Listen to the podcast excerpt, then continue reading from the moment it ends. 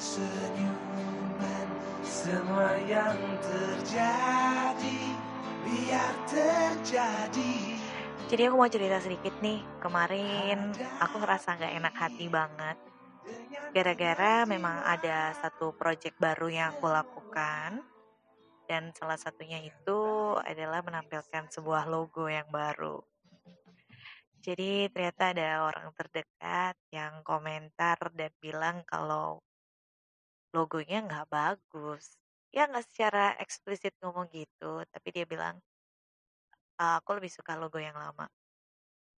Oke, aku nggak buat logo ini buat kamu, by the way. Maksudku, sebenarnya kalau kita ngasih komentar ke orang lain itu sebagai bukti kalau kita perhatian, kita sayang, pengen yang terbaik, atau justru menjatuhkan sih? Karena aku kadang ngerasa kayak, kamu nggak tahu apa yang aku lakuin, tiba-tiba kamu komentar sih? Bukannya tanya dulu kayak kenapa kamu bikinnya kayak gini, kenapa kamu bikinnya gitu, biar kita lebih memahami perspektif atau alasan kenapa kita memilihnya. Tapi langsung aja pakai kacamata dia menilai bahwa aku nggak suka. Well, kalau misalnya kayak gitu, selamat datang di podcast Cerita Cinta dan Cinta yang kali ini akan mendengarkan keluh kesah betapa nggak enaknya dikomentarin. Apalagi kalau kita nggak minta sama orang yang nggak kompeten di bidangnya. Sebenarnya nggak sopan juga ya sih kalau kita bilang kayak lu tahu apa sih komentarin gua kayak gini. Cuman endingnya jadi kayak ya terima kasih ya sudah kasih masukan atau terima kasih sarannya. Aduh, kamu pernah ngalamin gak sih kayak gitu sobat cinta? Kayak kamu tuh work hard gitu kan. Dan ternyata kejadian ini gak terjadi sama aku aja gitu. Orang ini bahkan beberapa sengaja nggak mau nunjukin karya karena di depan orang ini karena nanti itu tadi ada negatif-negatif sound yang membuat kita jadi patah hati. Berhubung aku tahu banget apa yang aku lakukan, ya aku bilang, enggak kok ini bagus, aku bikinnya dari profesional, ini artinya begini, begitu, begitu, begini. Coba deh lihat videonya, ini jauh lebih baik dari yang sebelumnya. Tapi aku mikir, semua orang bilang bagus, cuma dia aja yang bilang gak bagus gitu. Ya sekali lagi kan dia nggak tahu kan kalau misalnya apa yang kita lakukan tuh kenapa, alasannya apa, pertimbangannya apa. Dan sampai sekarang aku jadi ngerasa oke, kayaknya kita nggak bagus deh kasih komentar ke orang kalau dia nggak minta komentar kita. Atau memang tugas kita sedang mengomentari. Kayak misalnya kita jadi juri, atau kita misalnya jadi coach untuk mengomentarin hal yang kita kuasai, itu jatuhnya berbeda. Dan kita juga harus tahu situasi ya, kapan kita harus kasih komentar. Ketemu langsung bisa menjadi salah satu alasan yang bagus karena kita bisa lihat ada gestur nonverbal di situ, apakah dia menyampaikannya dengan raut wajah yang tidak menyenangkan atau sebenarnya menyenangkan. Karena orang ini ngasih komentar nggak enak tuh pagi-pagi jam 6 atau jam setengah 7 pagi aku baru bangun terus tiba-tiba dapat komentar kayak gitu yang kayak langsung rusak satu mood satu hari gitu kan. Ya kita nggak bisa juga langsung kayak protes apalagi kalau itu adalah orang-orang terdekat, keluarga gitu misalnya. Ya akhirnya kita terima dengan alasan sopan santun yang bilang, "Oh oke, terima kasih." Padahal dalam hati, eh semoga aku nggak dosa ya ngomong kayak gini. No, ini bukan parents atau apa, cuman ya seseorang yang dituakan lah. Cuman apa ya? eh aku termasuk orang juga yang suka ngomentarin orang lain. Dalam hal sebenarnya untuk membantu gitu. Tapi bukan untuk masalah karya gitu kayak aku bilang misalnya eee, "Kamu ini dong, pakai baju yang lebih bagus. Yuk ikut aku, kita ke mall bareng, aku pilihin." Dan dia nggak mau gitu. Ya ini pernah ada sih gitu. Atau aku bilang, eee, "Ikut yuk, aku dandanin, aku potongin rambut dan lain sebagainya." Tapi dia nggak mau.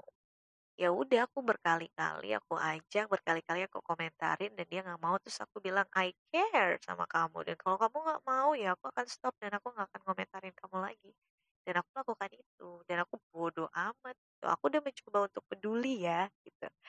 Dan itu situasinya aku ngomong langsung, aku bilang nggak di depan banyak orang, dan aku aku ngomongnya adalah, "Aku nggak suka, kamu kenapa sih nggak pernah menerima masukan aku?" Gitu. Padahal aku ngelakuin ini karena aku peduli sama kamu. Dan bisa jadi ya, komentar-komentar nggak enak tadi adalah bentuk kepedulian.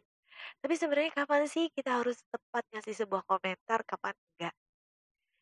Nah, ketika kita menjalin sebuah hubungan nih sama orang lain, entah ini hubungannya pertemanan, pacaran, keluarga, intinya hubungan pribadi ya, bukan sekedar kenalan atau tempat kerja. Kalau tempat kerja jelas sih, sebenarnya kita sebagai atasan boleh ngomentarin kerjaan bawahan yang nggak benar. Tetapi memang negurnya itu nggak langsung di depan banyak orang, tapi dipanggil gitu. Nah, tapi kalau dalam relationship yang jauh lebih personal, ini ada dua kubu ya. Ada yang memilih untuk memilih untuk tidak mengomentari, karena takut nanti hanya memunculkan percikan-percikan sakit hati.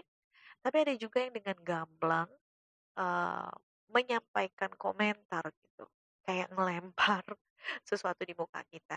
Ada beberapa tips ya mungkin yang pernah dilakukan orang-orang yang mau komentarin aku. Dia bilang gini, e, dia boleh nggak aku kasih masukan? Sebenarnya kode ini nggak mungkin ada jawaban enggak.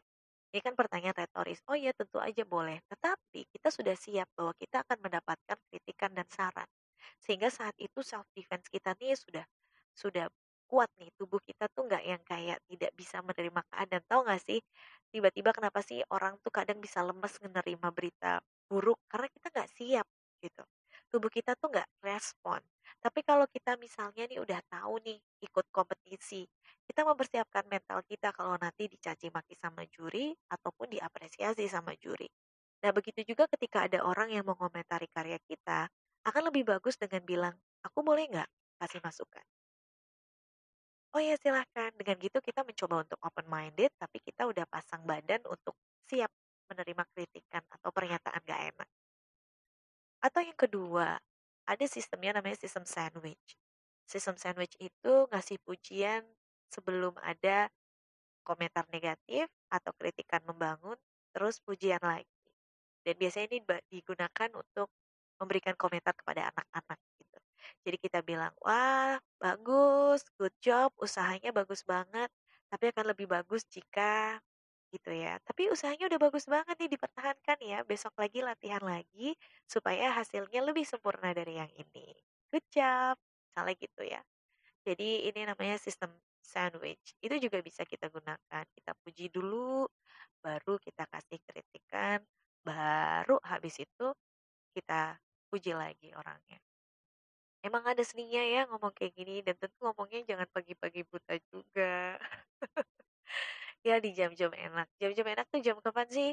Jam habis isa lagi santai. Atau jam-jam kita udah makan siang dalam kondisi tenang, santai. Atau memang paling tepat yaitu tadi, kalau kita nggak bertatap muka langsung, kita ngasih kode, nggak tiba-tiba, aku nggak suka sama logo kamu. Oh, wait up, baby. aku nggak minta dikomentarin. Tapi mungkin benar juga ya kata Dewa. Ya udahlah, dihadapin aja dengan senyuman. Mau gimana lagi?